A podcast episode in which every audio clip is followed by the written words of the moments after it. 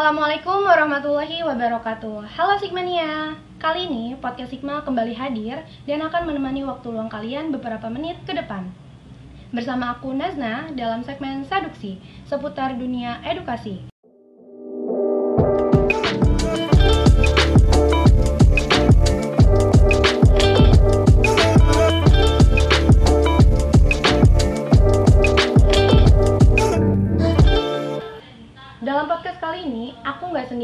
Aku bareng temanku yang mana kita berdua akan bahas tentang hal yang sangat lagi digandrungi banyak orang, bahkan di segala kalangan nih. Tentang game nih. Pasti nih Sigmani juga suka banget kan main game. Oke, sebelum kita bahas lebih jauh lagi, kita kenalan dulu nih. Karena pasti dari kalian belum tahu nih, siapa sih yang jadi narasumber di segmen seduksi kali ini. Halo, gimana kabarnya nih? Alhamdulillah kabar baik. Oke, lagi sibuk apa sebelumnya? Eh sibuk nganggur. Sibuk gak ngapa-ngapain di Iya. rumah aja. Iya. Oke, perkenalan dulu nih supaya Sigmania tahu siapa sih yang lagi bareng sama aku. Eh, nama aku Mila, nama panjangnya Ianatul Mila dari kelas 3B KPI. Oke, jurusan KPI ya. Nah, Sigmania, jadi Mila ini dia yang akan aku ajak untuk ngobrol-ngobrol tentang tema yang akan kita bahas kali ini. Oke, langsung aja kali ya, kita masuk ke dalam obrolan yang mau kita bahas kali ini. Nah, kalau ngomongin soal game, itu pasti nggak ada habisnya ya, apalagi buat yang bener-bener suka banget gitu. Bahkan main game sekarang aja tuh bisa menghasilkan uang. Menurut kamu Mila, main game itu berdampak seperti apa sih?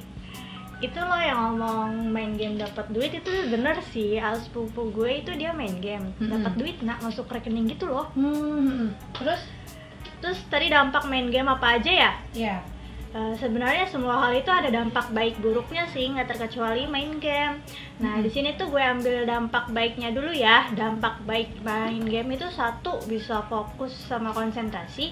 Yang kedua itu bisa ngasah kreativitas sama nyusun strategi. hmm, Gue ambil contoh semisal dari game ML Mobile Legend. ya, ML kan fokusnya di pangkat ya naikin ranknya gitu terus Mhm. per tim kan mainnya nah dari situ bisa tuh kita mengasah kreativitas dan gimana caranya nyusun strategi per timnya. Hmm. di ML juga kan ada misi-misinya gitu buat bonus. Nah di sini juga dibutuhin konsentrasi dan fokus banget nih biar bisa berhasil nyelesain misi-misi. Terus kalau dari dampak buruknya main game itu sebenarnya ada banyak sih tapi gue ambil yang poin pentingnya aja ya. Hmm, yang ke satu itu jadi lebih gampang lupa gitu. Lupaan orangnya. Iya, misal ada janji dia lupa, dia ngomong A dia lupa gitu kan, hal-hal sepele tentang kita dia lupa gitu kan. Iya. Hmm. Itu kan kayak nyesek banget ya. Hmm. Terus yang kedua tuh yang menurut gue ngeselin mau tau mana apa? Apa tuh? Males. Males. Iya. Hmm. Lu kalau males tuh udah paling bikin kesel sih soalnya Iya, iya. eh, ponakan gue tuh dia kalau semisal udah main game gitu ya dia udah lupa lupa, lupa waktu banget males Hmm. ngapa-ngapain mandi nggak mau makan nggak Aduh. mau eh. Iya, iya. Padahal disuruh mandi sama makan buat kerja, tapi malah males-malesan karena game itu. iya Oke, terus em, kamu sendiri Mil, main game nggak? kalau gue pribadi sih sesekali ya Hmm, hmm. nggak sering gitu Kalau boleh tahu main game apa tuh? gue suka ludo Ludo. Hmm. Tapi itu juga ada masa ini ya, maksudnya mikir gitu Iya, kan strategi, strategi. strategi Iya, benar. main Ludo. Iya, benar-benar. Nah, kalau kamu lagi kasihkan main game gitu ya, terus kamu jadi kayak lupa gitu sama tugas kamu yang lain. Nah, itu gimana cara kamu bisa handle gitu?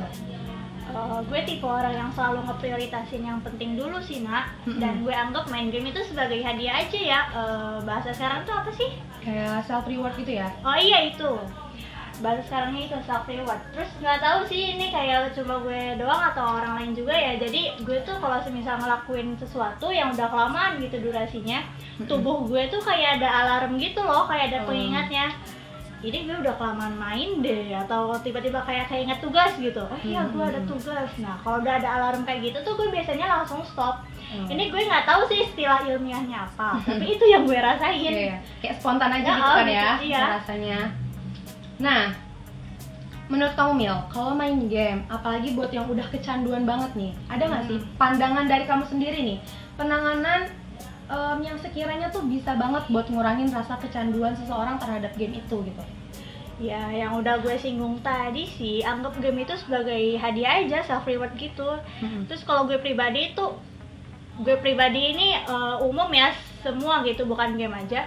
Gue biasanya ngebatasin sih main game berapa menit, olahraga berapa menit, gitu-gitu. Tapi yang penting tuh kita tuh bisa harus bisa ngontrol diri kita sendiri sih, nak cukupnya segimana gitu. Kan yang berlebihan juga nggak baik ya. Iya banget, benar, benar banget. Segala sesuatu yang berlebihan itu nggak baik. Dengar tuh ya Sigmania. Oke, dari kamu Mil, ada nggak sih saran buat Sigmania nih yang lagi dengerin podcast kita ini? Gimana sih caranya supaya bijak gitu dalam bermain game? Karena seperti yang kamu bilang tadi, game itu menghibur, self reward gitu kan. Tapi gimana supaya kita tuh bijak dalam hal tersebut? Eh, menurut gue cara gue tadi yang selalu ngebatas gitu masih waktu berapa menit, berapa jamnya itu bisa efektif sih nah buat eh, supaya bijak gitu main game ya. Tapi tapi sekarang-sekarang tuh kan yang main game tuh bukan cuma kita kita aja ya banyak Iya. bocil-bocil yang udah pada dikasih HP gitu sama Benar, benar, orang benar, tuanya. benar. Nah mana udah pa- udah pada pro lagi gitu kan? Banget lebih pada pro dari kita. Nah kalau kasusnya kayak bocil-bocil gitu, menurut gue itu dikembalin ke orang tuanya sih. Soalnya orang tua kan punya kendali penuh atas anaknya ya Iya benar. soalnya ada tuh kasus eh, pas gue SMP atau SMA gitu ya gue lupa itu ada eh, ini gue sensor aja jadi beliau ya Sensor, ya, Nah, beliau tuh main game udah di fase yang candu banget gitu udah udah Hmm. jadi sindrom gitu loh Hmm. jadi walaupun udah lepas HP tapi tangannya tuh tetap kayak megang HP gitu terus jempolnya tuh gerak-gerak sendiri gitu nak Padahal dia kayak nggak main game gitu Iya. sebenarnya.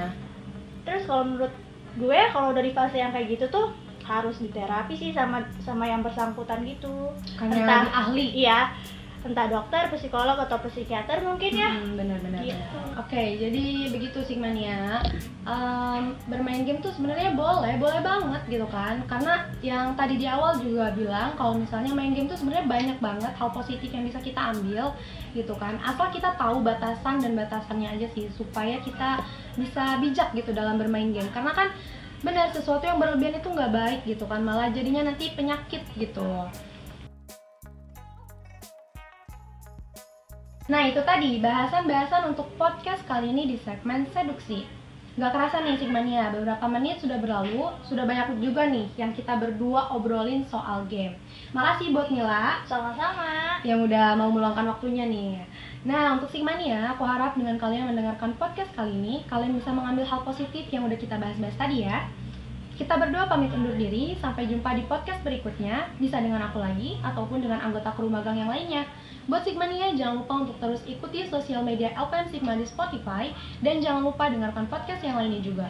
Kunjungi juga nih di Instagram at LPM Sigma untuk tahu update seputar kampus. Aku Nazna, pamit undur diri. Wassalamualaikum warahmatullahi wabarakatuh. Bye Sigmania!